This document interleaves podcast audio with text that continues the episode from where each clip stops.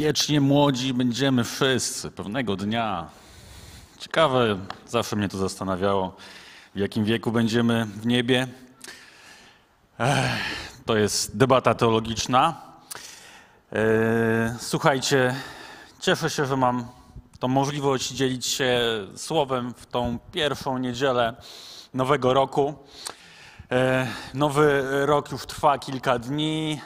Część z nas już e, korzysta z karnetów, które kupiło na siłownię. Wciąż są ważne, przynajmniej przez pierwszy miesiąc. Prawdopodobnie się uda, skoro już kupiłem, kupiłam, no to pochodzę, a później, no wi wiadomo, te postanowienia, one są takie trudne. Ale jest nowy rok, więc y, trzeba korzystać, wierzyć, że się uda. E, wraca zima. Pewnie część z Was dzisiaj się zastanawiało, gdzie ma tą skrobaczkę do, do samochodu, bo ostatnio jej nie używaliście, nie używaliśmy. E, ale ja bym chciał dzisiaj nawiązać wpierw, w zasadzie będziemy wokół tego dzisiaj krążyć, do dnia, który jakby tradycyjnie wczoraj troszkę w naszej kulturze, e, troszkę, bo to już nam zanika, e, świętowaliśmy. Mieliśmy wczoraj tak zwane święto Trzech Króli. E, dla wielu ludzi dzisiaj w zasadzie oznacza to tyle, że no, jak pierwszego miałem wolne, to za sobotę wezmę sobie drugiego i w zasadzie wszystko się zgadza, więc jeden dzień więcej wolnego. To święto dla wielu ludzi z drugiej strony wciąż ma znaczenie, dla osób, dla których takie tradycyjne, czy w tradycyjnych kościołach to wciąż jest gdzieś bardzo mocno podkreślane. Ono jest symboliczne. Umówmy się, bo trudno jest na podstawie tego, co czytamy w Biblii, stwierdzić, ilu tych króli było. No, zakładamy, że było ich trzech, no bo były trzy dary, no to jakby si siłą logiki y, wydaje się, że było ich trzech. E, no, królami to oni raczej nie byli, bo czytamy o tym, no, że byli kimś, e, mędrcami, astronomami, kimś takim. E, więc dużo jest tutaj rzeczy symbolicznych. Nawet samo święto jest nazywane inaczej tak naprawdę. Jest to święto objawienia pańskiego. Bo królowie, ja dzisiaj trochę o tym będę mówił, tu nie chodziło o nich. Oni mieli na coś wskazywać. Więc ja jakby tyle, nie będę grzebał w całej tradycji, ale chciałbym, byśmy troszkę dzisiaj wrócili do tego tekstu. Bo jest jeden dosłownie tekst biblijny, który opowiada tą historię. I tam jest dużo myśli, które mi osobiście przez święta towarzyszyły, e, więc cieszę się, że mogę też się dzisiaj z wami tym podzielić. Czytamy tą historię o mędrcach w drugim rozdziale Ewangelii Mateusza, na samym początku. I zaczyna się ona tak. Gdy Jezus urodził się w Betlejem, w Judei, zarządów króla Heroda, do Jerozolimy przybyli mędrcy ze wschodu. Tak tu jest napisane. Dowiadywali się oni, gdzie jest ten nowonarodzony król Żydów. Bo zobaczyliśmy wschód jego gwiazdy i przybyliśmy złożyć mu hołd. Gdy król Herod o tym usłyszał, przeraził się, a z nim cała Jerozolima. Zgromadził zatem wszystkich arcykapłanów oraz znawców prawa i zaczął ich wypytywać, gdzie miał się urodzić Chrystus. W Betlejem Judzkim odpowiedzieli zgodnie ze słowami proroka i ty, Betlejem, ziemio judzka, wciąż nie jesteś ostatni wśród książęcych miast Judy, bo z ciebie wyjdzie władca, który będzie pas mój lud Izraela. Wtedy Herod wezwał potajemnie mędrców i dokładnie wypytał o czas pojawienia się gwiazdy. Następnie posłał ich do Betlejem z takimi słowami: idźcie, odszukajcie to dziecko, a gdy je znajdziecie, donieście mi o tym, bo ja też chciałbym e, się tam udać i złożyć mu hołd. Po wysłuchaniu króla mędrcy ruszyli w drogę, a gwiazda, której wschód zauważyli, wytyczała im szlak, a wstanęła nad miejscem przebywania dziecka. Na widok gwiazdy w tym położeniu ogarnęła e, ich wielka radość. Weszli zatem do domu. Spotkali tam dziecko wraz z jego matką Marią, upadli przed nim w pokłonie, a następnie wyjęli swe skarby, złożyli mu w darze złoto, kadzidę i mirę, ostrzeżeni we śnie, aby nie wracać do Heroda. wrócili w swoje strony inną drogą. A teraz prosimy Cię, Duchu Święty, abyś swoje słowo w naszych umysłach ożywiał. Amen. Chciałbym, żebyśmy e, tak naprawdę dzisiaj spojrzeli na kilku bohaterów tego fragmentu. Jest tu przynajmniej kilka postaci. Niektóre są takie jasne i, i, i, i widać, a niektóre są, do nich dojdziemy, troszkę bardziej ukryte. E, I chciałbym, żebyśmy dzisiaj się od nich uczyli. Ale zanim wejdziemy głębiej, takie pytanie na nowy rok. Mój tytuł dzisiaj zwiastowania w zasadzie wokół tego krąży. Moje pytanie jest takie do ciebie dzisiaj, dosyć osobiste. Sam sobie musisz na nie odpowiedzieć przez cały czas trwania tego kazania. Czy wszystko się w twoim życiu zgadza? Zostawię was w tym zawieszeniu, się nie śpieszy. Czy wszystko ci się zgadza w życiu? Czy jak patrzysz na siebie, na swoje okoliczności, na rzeczywistość, w której jesteś umieszczony, tematy, z którymi na co dzień e, żyjesz, czy pa, jak patrzysz na siebie, wewnątrz siebie, to masz takie przekonanie, że się wszystko tam zgadza, że to się wszystko tam układa, zazębia, e, że w zasadzie jest spójność i możesz powiedzieć, jest super, jest dobrze, jest, wszystko się zgadza, tak miało być, cieszę się, że jestem w tym miejscu, w którym jestem, każda sfera mojego życia w zasadzie nie ma się co do niej doczepić.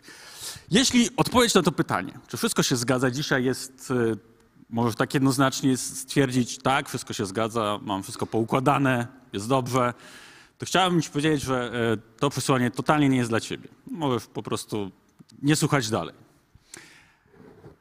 Bo prawda o większości z nas, tak naprawdę, o wszystkich, jest taka, że jak, jak z kostką Rubika. Wziąłem sobie kostkę Rubika. Nie bójcie się, nie jestem taki sprawny, nie umiem jej ułożyć i nawet nie będę próbował. Mój umysł nie ogarnia takich rzeczy. Ale w naszym życiu jest trochę właśnie jak z kostką Rubika. Ile byśmy nie nakombinowali, ile byśmy nie napróbowali, ile byśmy tam nie pozamieniali różne układy, to zawsze coś nie pasuje. Zawsze coś się nie zgadza. Po prostu moje dzieci też próbowały tutoriale na YouTubie, nie daliśmy radę. No dobrze, może jedna sfera mojego życia się zgadza, udało nam się dojść do tej, do tej części, ale reszta, w ogóle jak to ogarnąć? To się wszystko ze sobą nie łączy. Są zawodnicy, którzy to robią w 5 sekund. No ale chodzi o życie, chodzi o mnie i o ciebie. Może coś się tam zgadza, w niektórych tematach jest ok, jest dobrze, ale w większości czy w niektórych w zasadzie coś tam może się zazębia, ale nie wszystko. Nie zgadza mi się, to tak nie wygląda jak chciałbym, żeby wyglądało, jak, jak miało wyglądać. I dzisiaj, nie wiem, może dla ciebie jest to jakieś, jakiś temat związany z finansami. Wziąłeś ten kredyt jakiś czas temu i te raty miały być takie korzystne. I nagle mija kilka lat, dla mnie pięć, i one już takie korzystne nie są. Może myślisz o tym, o zdrowiu swoim, no przecież Bóg uzdrawia, ale jakoś to uzdrowienie nie przychodzi. Może myślisz o samotności, która ci towarzyszy. No ile to może trwać? Różne rzeczy w naszym życiu czujemy, jakby się nie zgadzały, jakby to nie miało sensu. Gdy patrzymy na ten tekst, gdy ja myślę o tym tekście, to ten tekst jest dla mnie jak taki kolaż, jak taki obraz po prostu abstrakcyjny. Tam się dzieje tyle rzeczy, tam jest tyle różnych momentów, yy, odniesień, obrazów, fragmentów, ludzi, jak, jak, jakaś podróż, jakaś historia. Tam jest tego mnóstwo, jakby ktoś chciał to narysować. To nie wiem, czy uda się to odwzorować. Tam, jak, dla mnie, ja nie jestem plastyczny, w mojej głowie to się nie układa. To się do wszystko, nie potrafiłbym tego jakoś e, oddać. Na pierwszy rzut oka może to się nie zgadza. Ale pytanie jest takie, w zasadzie, które ja mam, które być może ty masz. Czy to tylko moja perspektywa tego, że coś się nie zgadza? A zatem pouczmy się dzisiaj od kilku osób, e, które być może pomogą nam w tym takim dojściu do miejsc, momentów, gdzie pewne rzeczy być może zaczną się zgadzać. Bo może tego dzisiaj potrzebujemy w pewnych sferach i Bóg dzisiaj ma coś dla nas. Chciałbym, żebyśmy się wpierw nauczyli czegoś od mędrców. Mam dosłownie trzy myśli. Nie lubię skomplikowanych e, przemów, więc mam trzy myśli. Myśl pierwsza jest taka: pytaj i szukaj. Kiedy myślimy o tych mędrcach, nazwijmy ich mędrcami, astronomami, profesorami, nie wiem kim oni tam do końca byli, no w każdym razie zostali tak nazwani, tak w Biblii są nazywani. I w zasadzie sobie myślę, to jest, to jest dobra definicja, no bo to są mądrzy ludzie, to znaczy oni mają coś takiego w sobie, że pytają i szukają, że coś wiedzą, coś rozumieją, ale jest wiele rzeczy, których nie rozumieją i mają w sobie taki drive, mają w sobie taki tryb funkcjonowania, że chcą to zrozumieć, że chcą wiedzieć, jak działa ta rzeczywistość, mają jakieś odpowiedzi, mają jakieś pytania, ale tam nie wszystko się im zgadza. A z drugiej strony mają tak ogromne poczucie, stąd ta mądrość, stąd są mędrcami, że, że chcą znać odpowiedzi, że mają te pytania i nie stoją w miejscu i się zastanawiają i tylko mędrkują, ale coś, jak widzą, to, to szukają. I to jest ich mądrość przede wszystkim. Na nowy rok y, nie złożyłem w tym roku na święta i na nowy rok zbyt wielu życzeń. Ja nie lubię składać takich życzeń, takich, y, takich no takich zwykłych. E, jak już składam życzenia, to staram się, żeby były bardzo osobiste, żeby wypływały też z mojej jakiejś modlitwy, z jakiegoś mojego myślenia o tej osobie. E, więc e, jak nie wysyłam życzeń, no to, to tylko dlatego, że nie lubię wysyłać takich ogólnych strasznie. I dosłownie może do kilku osób mi bliskich wysyłałem w tym roku życzenia. Wysłałem takie życzenia do jednej z bliskich mi osób. Proste, ale szczere. Napisałem: Życzę Ci poczucia sensu i właściwych odpowiedzi. Nie wiem, to było, tuż, to było parę godzin przed północą, a dosłownie kilkanaście minut przed północą, między 31 grudnia a 1 stycznia, ta osoba mi napisała: Wiesz, e, brakuje mi poczucia sensu od jakiegoś czasu.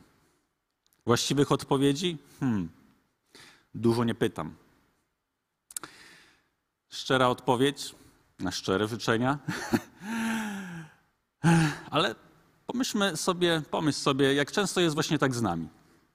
E, że chcielibyśmy odpowiedzi, chcielibyśmy poczucia sensu, chcielibyśmy, żeby to się jakoś zaczęło choć trochę zazębiać i zgadzać, ale w zasadzie jak popatrzymy na rok 2023, to ile tego było szukania?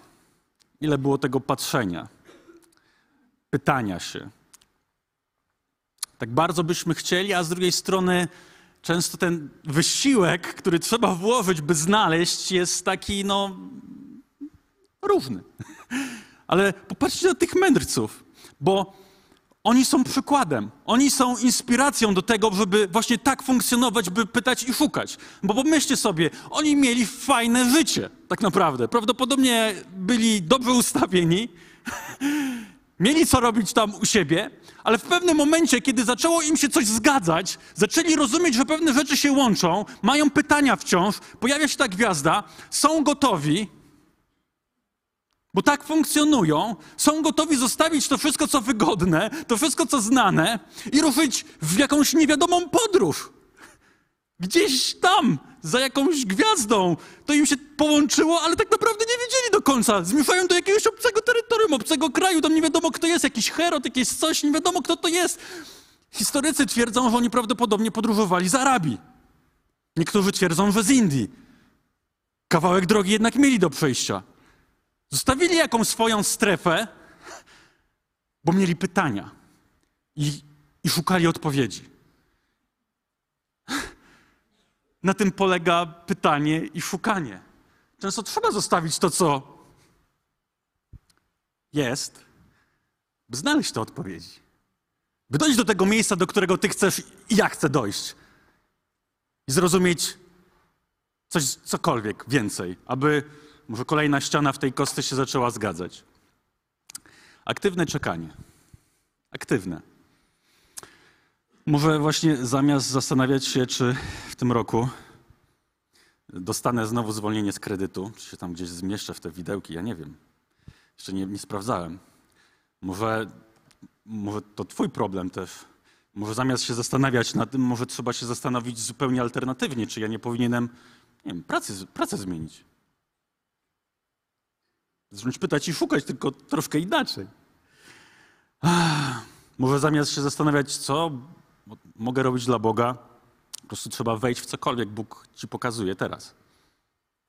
Po prostu. Aktywnie czekać, wychodzić naprzeciw, patrzeć, co Bóg gdzieś już pokazuje, ale po prostu może nie wygląda do końca tak, jak ja bym chciał, żeby wyglądało. Bo jest niesamowita obietnica w Bożym Słowie, która wciąż się odnosi do każdego z nas. Ten sam ewangelista w siódmym rozdziale, znamy te słowa, mówi tak, w zasadzie Pan Jezus tak mówi. Kto bowiem prosi, otrzymuje. Kto szuka, ten znajduje. A kto kołacze, temu otworzą. Są warunki, są zdania warunkowe. Trzeba zrobić swój kawałek, pytać, szukać, pukać, a Bóg zrobi swój kawałek. Tak to wygląda. To się nie stanie przez to, że stanę w miejscu i będę się zastanawiał w nieskończoność. To się stanie, kiedy będę robił krok w tą stronę. Kiedy być może zostawię rzeczy, jakieś, coś i ruszę w drogę, tak jak wyruszyli ci mędrcy. A zatem pytaj i szukaj. Nowy rok, dobry moment, by zacząć. Być może raz jeszcze. Ale w tej historii jest też kolejna postać. E, postać, od której możemy się uczyć przez to, czego nie zrobiła i przez to, w jakim miejscu ona była. E, jak wielu z Was jest przekonanych e, już wie, że najlepiej się uczyć na błędach i najlepiej się uczyć na błędach czyichś, nie własnych, to, to jest dobre, bo to mamy Heroda. I drugi punkt, druga moja myśl dzisiaj dla mnie i dla ciebie brzmi: złam swój scenariusz. Złam swój scenariusz. Bo wiecie, Herod reprezentuje osobę czy postawę osoby, która po prostu jest w pewien sposób zaprogramowana. Sama siebie zaprogramowała. Widzi, że pewne rzeczy się zgadzają, bo to, bo to słuchajcie, on się on był w tej kulturze. On wiedział o tych zapowiedziach różnych, on wiedział w jakim miejscu ży życia y, został postawiony. I oto jeszcze przychodzą ci medrycy i mówią, jeszcze skądś tam, i mówią, nam się tu zgadza, że oto jest ta gwiazda, że oto jest to słowo, to się łączy ze sobą, że tu będzie król. I nagle Herod zamiast zareagować, no, no tak, to on jest tak zafiksowany na swojej interpretacji rzeczywistości, że widząc obiektywnie, jak wyglądają fakty, że to się zgadza z Bożej perspektywy, z ludzkiej perspektywy, to on jest tak zaprogramowany, taki ma scenariusz a propos życia w miejscu, w którym jest, że nie jest w stanie z tego wyjść. To jest dla mnie niezwykłe. Pomyślcie, pomyśl o sobie i o mnie, jak często jesteśmy tak zafiksowani na swoich scenariuszach, na swoich schematach, tak bardzo wierzymy w to, co wierzymy, a propos siebie, a propos świata, że nawet jak przychodzą ludzie, czy przychodzą jakieś obiektywne prawdy, że rzeczywistość tak nie wygląda, że to jest, że to, to się nie zgadza tak, jak ty sobie to układasz, to my często nie jesteśmy w stanie wyjść na zewnątrz. Nie jesteśmy w stanie spojrzeć na to i zobaczyć siebie samych. To, to jak ja sobie napisałem ten scenariusz, to, to nie jest prawda. To Bóg ma coś prawdopodobnie innego dla mnie. I tak sobie wymyślamy scenariusze a propos tego, jak e, pewne rzeczy powinny wyglądać, tego, jak kim my jesteśmy, jak ja funkcjonuję. Wymyślamy scenariusze, jak świat e, funkcjonuje. O, już zmiłuj się Boże, wymyślamy scenariusz, jak Bóg powinien działać. Boże, ratuj nas. Wiecie, e, niewiele jest takich filmów, e, ale często, ale czasami są, są takie znane mm, filmy, gdzie e, główny bohater jest też narratorem tej całej historii, tej opowieści. To znaczy, zarówno słuchamy, co mówi i opowiada historię, a z drugiej strony w niej uczestniczy. Jest kilka takich znanych filmów. Mi się przypomniało Forrest Gump, American Beauty, Fight Club. Dzień Świra w polskiej tutaj rzeczywistości, wiecie, gdzie ten bohater jakby opowiada, a z drugiej strony jest tej historii. I to jest, i to jestem ja i ty na co dzień. To znaczy, my na co dzień funkcjonujemy, że sobie wymyślamy różne scenariusze. To znaczy, mamy w głowie, że i później w nich uczestniczymy. To znaczy, wymyślamy sobie tak, ten dzień będzie wyglądał tak, tutaj sobie to, to, to, to zrobię, tutaj to, to się wydarzy i tam sobie rozmawiamy, prowadzimy, najwięcej rozmowy tak naprawdę odbywamy sami ze sobą. Tak, tak, tak, tacy jesteśmy. I piszemy jakiś scenariusz, tak prawie każdego dnia, albo jak ktoś jest bardziej rozgarnięty, to tam na tydzień, na miesiąc już ma wszystko poukładane, cały tam scenariusz. I rozmawiamy o tym ze sobą, kłócimy się, wymieniamy się poglądami ze sobą, po prostu taka walka y, głównej postaci z narratorem, w zasadzie to, to my. E, to jest normalne. I mamy też scenariusze a propos tego, jak wygląda świat. Takie, wiecie, większe scenariusze, jak, jak, e, jak wygląda rzeczywistość, co jest w tej rzeczywistości prawdą, kto mówi prawdę, komu wierzyć, komu nie wierzyć i cały ten scenariusz, jaki Pan Bóg jest i jaki on w zasadzie być de facto powinien. Kiedy sobie myślę o takim Herodzie, to sobie myślę, on miał taki scenariusz świata. ok, jest tam cesarz, ale tutaj to ja jestem królem. To ja tutaj rozdaję karty, to ja tutaj układam, jak to powinno wyglądać. I co z tego, że mi przyszli jacyś goście, opowiadają, jeszcze cytują, że im się to zgadza, że w zasadzie na to czekał cały ten lud. Ja wiem, jak to ma wyglądać.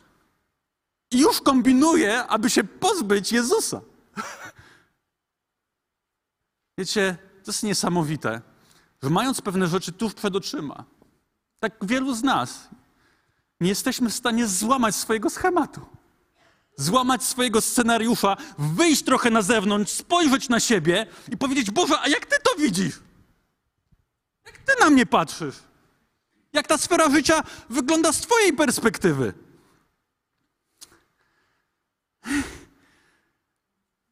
Dlatego warto je złamać złamać e, jakiś schemat myślenia, że rozwód nie jest rozwiązaniem z Bożej perspektywy.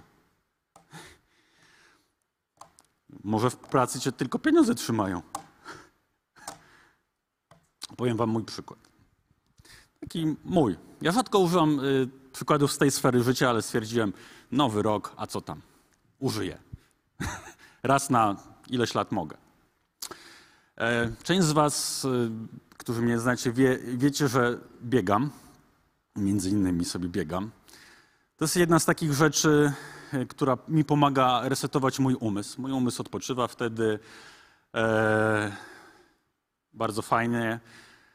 E, myślę, że każdy z nas powinien mieć coś takiego w życiu, gdzie nasz umysł odpoczywa, więc dlatego mamy hobby. Niektórzy lubią tam na, na działkę pojeździć, coś tam pograbić, coś tam porobić.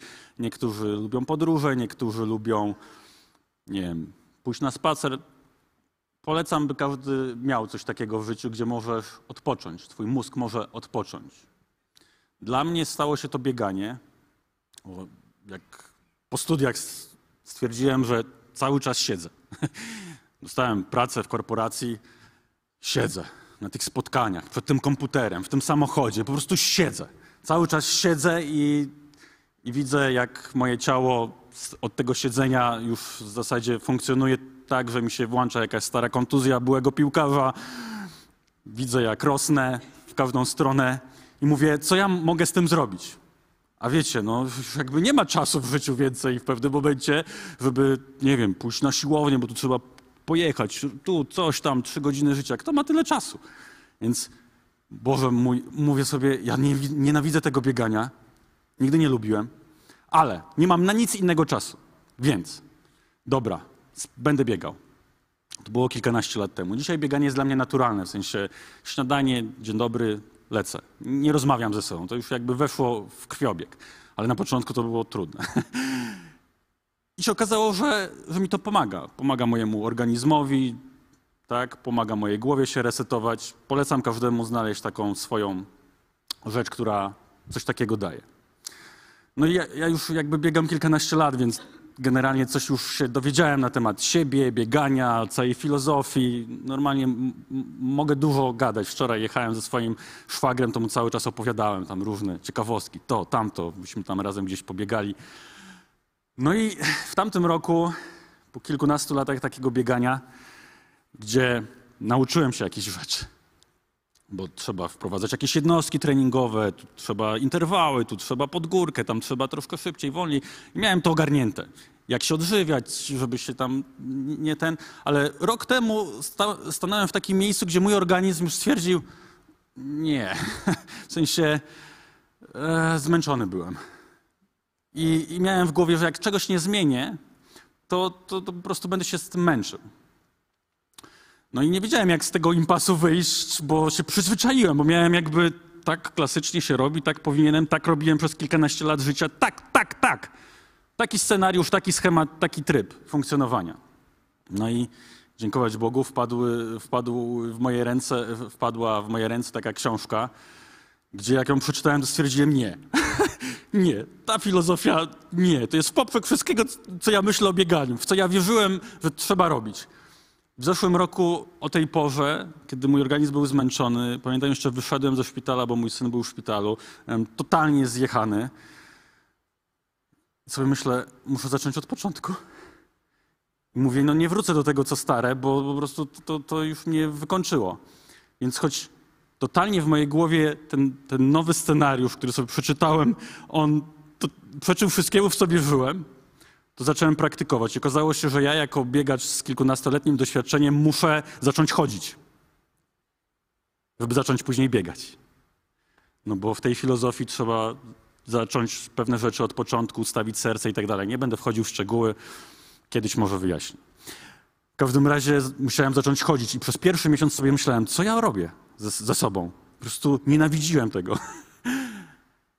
Ale stwierdziłem, jak nie złamię tego scenariusza, tego schematu nie zmienię coś w swoim funkcjonowaniu, to po prostu nie będę tego robił dalej. Więc moja myśl dla mnie wtedy była, złamałem swój schemat, przeskoczyłem, wszedłem w coś nowego. Dzisiaj jestem w zupełnie innym miejscu. Jako biegacz czuję się taki, że się w zasadzie nie męczę już, jak biegam. I to jest super. Ale pomyśl sobie, jaki schemat i w jakiej sferze swojego życia Bóg dzisiaj być może chce, abyś ty złamał. Jaki scenariusz masz, gdzie się zaprogramowałeś, zafiksowałeś i w zasadzie wiesz, że tak nie chcesz żyć, nie chcesz funkcjonować. No ale inaczej nie potrafisz myśleć o rzeczywistości. Więc moja złota myśl. Może warunkiem, by się zaczęło zgadzać w Twoim życiu, jest to, by wyjść ze swoich utartych szlaków, przyznać się do błędu przed sobą, że źle funkcjonuje, przestać iść w zaparte. To jest narodowa przywara Polaków. Idziemy w zaparte, po prostu gadamy bzdury, żyjemy jak ten. Nasi, nasi politycy są w ogóle wybitnymi, nigdy się nie przyznają do błędu, idą w zaparte. Tak samo my. Może trzeba przestać też iść w zaparte. Przyznać się do błędu, nie być po prostu jak Herod i złamać jakiś schemat, scenariusz funkcjonowania w jakiejś swojej sferze życia. Być może Bóg dzisiaj do ciebie mówi. Właśnie. I wiesz o co chodzi. Wiesz, który. Wiesz, która płaszczyzna. Jest jeszcze jedna postać w tym tekście. Bohater. Bezosobowy. Ale bez którego w zasadzie ten obrazek by się nie zgadzał, o którym tutaj czytamy w tym tekście. I mój ostatni punkt brzmi: bądź sam znakiem. Bądź sam, sama znakiem. No bo ci mędrcy, ci astronomowie pewnego dnia ujrzeli gwiazdę. Jest debata, czy, czy to gwiazda, no bo jakby znając też od naukowej strony, no gwiazdy są dosyć daleko i one raczej stoją w miejscu. No, może by była to kometa, cokolwiek. Bóg jest bardziej kreatywny niż nam się często wydaje. No, zobaczyli coś na niebie, czegoś, czego tam nie było. I zaczęli za tym iść. To im się połączyło z tym tekstem z Michała, tak, tam te elementy. Do końca nie wiedzieli, ale jakby ruszyli w tą stronę, poszli za tą gwiazdą. Gwiazdą, która okazała się być po prostu znakiem. Odczytali ten znak. I ten znak, jakbyśmy go zdefiniowali, to po pierwsze wskazywał na urodziny najważniejszej osoby w historii wszechświata. Ten znak wskazywał na jego panowanie. Ten znak, ta gwiazda odnosiła się do Izraela. Ten znak pojawił się na wschodzie, był przez pewien czas, jak każdy znak w pewnym momencie zniknął. był przez pewien czas. Nie wiem jak wy, ale ja bym chciał funkcjonować w rzeczywistości znaków. Chciałbym mieć takie doświadczenie. Doświadczenie jak w księdze Daniela chociażby. Tam się ręka pojawiła, zaczęła pisać znak. No, kto by nie chciał znaków z nieba? Kto by nie chciał, żeby Bóg pokazywał jakieś konkretne rzeczy, jakiś konkretny znak, jakiś konkretny sygnał? Każdy by chciał. Jesteśmy ludźmi, tak, tak funkcjonujemy. Problem jest w tym, że to nasze pragnienie często nas sprowadza do tego, że, że gonimy za samym znakiem, a nie za tym, na co ten znak miałby wskazywać. Stąd Bóg ma często problem z nami, bo my ganiamy za jakimiś rzeczami, ale nie ganiamy za Bogiem. Stąd oczekujemy znaków, a Bóg nie chce, żebyśmy oczekiwali znaków, tylko żebyśmy oczekiwali Jego samego. I często dlatego się nie zgadza. Więc czekamy na jakieś znaki. No i w Ewangeliach też czytamy, że Pan Jezus mówi: No dobra, chcecie znaki, jest lud, który wciąż oczekuje znaku. Pan Jezus też ma z tym problem. Ale z drugiej strony Bóg wie, jacy jesteśmy, więc e, ze swojej miłości posyła znaki. I z tą nadzieją, że, go, że odczytamy te znaki. No i w Biblii mamy ich mnóstwo. Czytamy o znakach, które chociażby Izrael przeżywał, kiedy były zsyłane plagi. Mi się przypomniał ten znak z księgi Jozłego z dziesiątego rozdziału, gdzie po prostu Jozue dostał konkretny znak. Zatrzymało się słońce, wszystko było jasne. Każdy by takie rzeczy chciał. Ja bym chciał. Mam dla was mema. Gdzie jest ten mój mem? Najbardziej znany mem. To jesteśmy my. To jesteśmy my. Niby wszystko jasne, ale tak naprawdę często nie widzimy. Kiedy myślę o znakach, które Bóg daje, to myślę, że najczęstszym znakiem, jakie, jaki Bóg daje do, naszego, do mojego i Twojego życia, tak naprawdę to są inni ludzie. To jest najczęstszy znak, którego my w ogóle nie zauważamy. Kiedy czytamy Biblię, to najczęściej to ludzie byli znakiem. Ja mam bardzo osobiste połączenie z, z Ezechielem. Księga Ezechiela w 12 rozdziale Bóg mówi do Ezechiela: Ty będziesz znakiem. Po prostu wprost do niego mówi, dla Izraela. Bardzo konkretnych rzeczy. Ja mam bardzo tutaj osobiste zrozumienie tego. Jest wiele takich miejsc i takich osób w Biblii, gdzie wprost osoby są nazywane znakiem. I chcę Ci powiedzieć, że najczęściej tak jest, że w moim Twoim życiu Bóg już ustawił te znaki. I tymi znakami prawdopodobnie są inni ludzie, którzy stoją na Twojej drodze. I one już tam są. I oni już tam są. Ale chciałbym Cię do, zachęcić do czegoś jeszcze. Bo zamiast myśleć w kategoriach, Boże, daj mi znak, zacząć myśleć w kategoriach, dla kogo ja mogę być znakiem. Dla kogo dzisiaj ja mogę być znakiem. Bo ty i ja możemy być znakiem dla tak wielu ludzi, wokół których żyjemy. Możemy być znakiem dla naszego sąsiada, który żyje sam. Możesz być znakiem tego, że Bóg o nim nie zapomniał. Może masz kogoś w pracy, kto coś przeżył, żyje, nie wiem, wie, że zmaga się z depresją. Możesz być znakiem tego, że po prostu Bóg wciąż o nim myśle, myśli i kocha. Pomyśl sobie o, wielu osobach, wokół których żyjesz. Jak dla wielu ludzi ty i ja możemy być znakiem. Może jesteś ustanowiony znakiem w kościele dla ludzi tak, i mówisz tym ludziom, że tak naprawdę Bóg jest wierny i Bóg z ciebie nie zrezygnował. I wiesz, którzy to ludzie są dla ciebie znakiem. Ale być może to ty kolejnym sezonie swojego życia, żeby bardziej się to wszystko zgadzało, powinieneś, powinnaś być znakiem dla innych.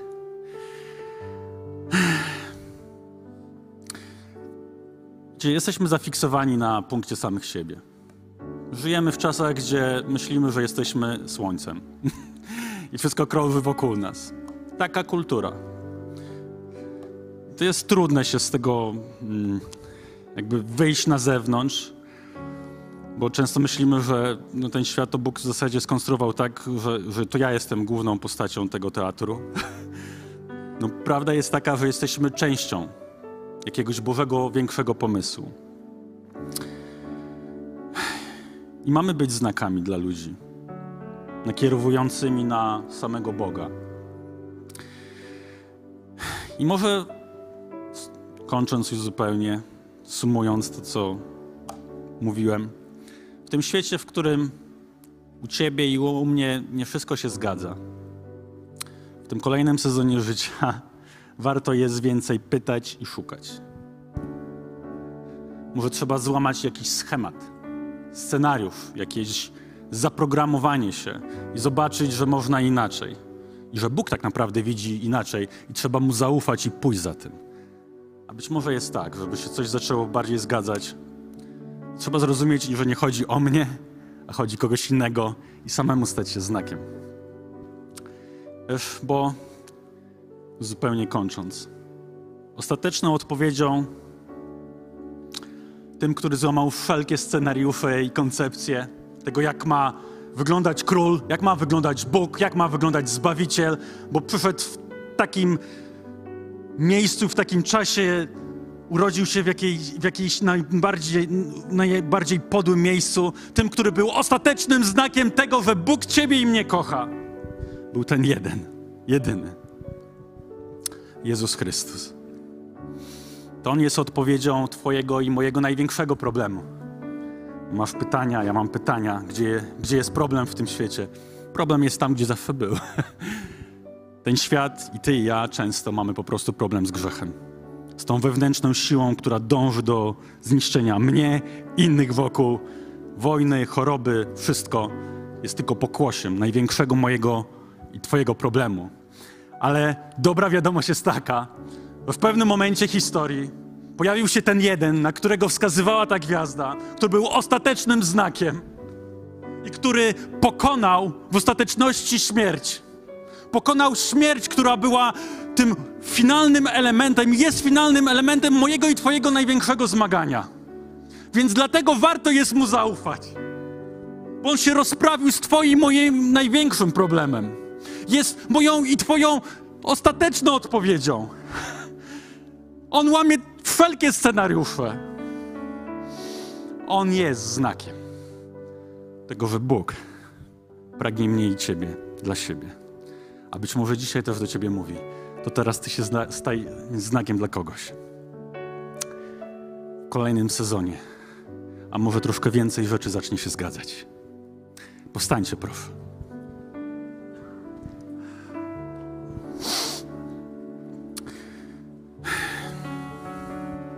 Jestem przekonany, że to, co tutaj się dzieje, co robimy, to miejsce i ten czas nie jest przypadkiem.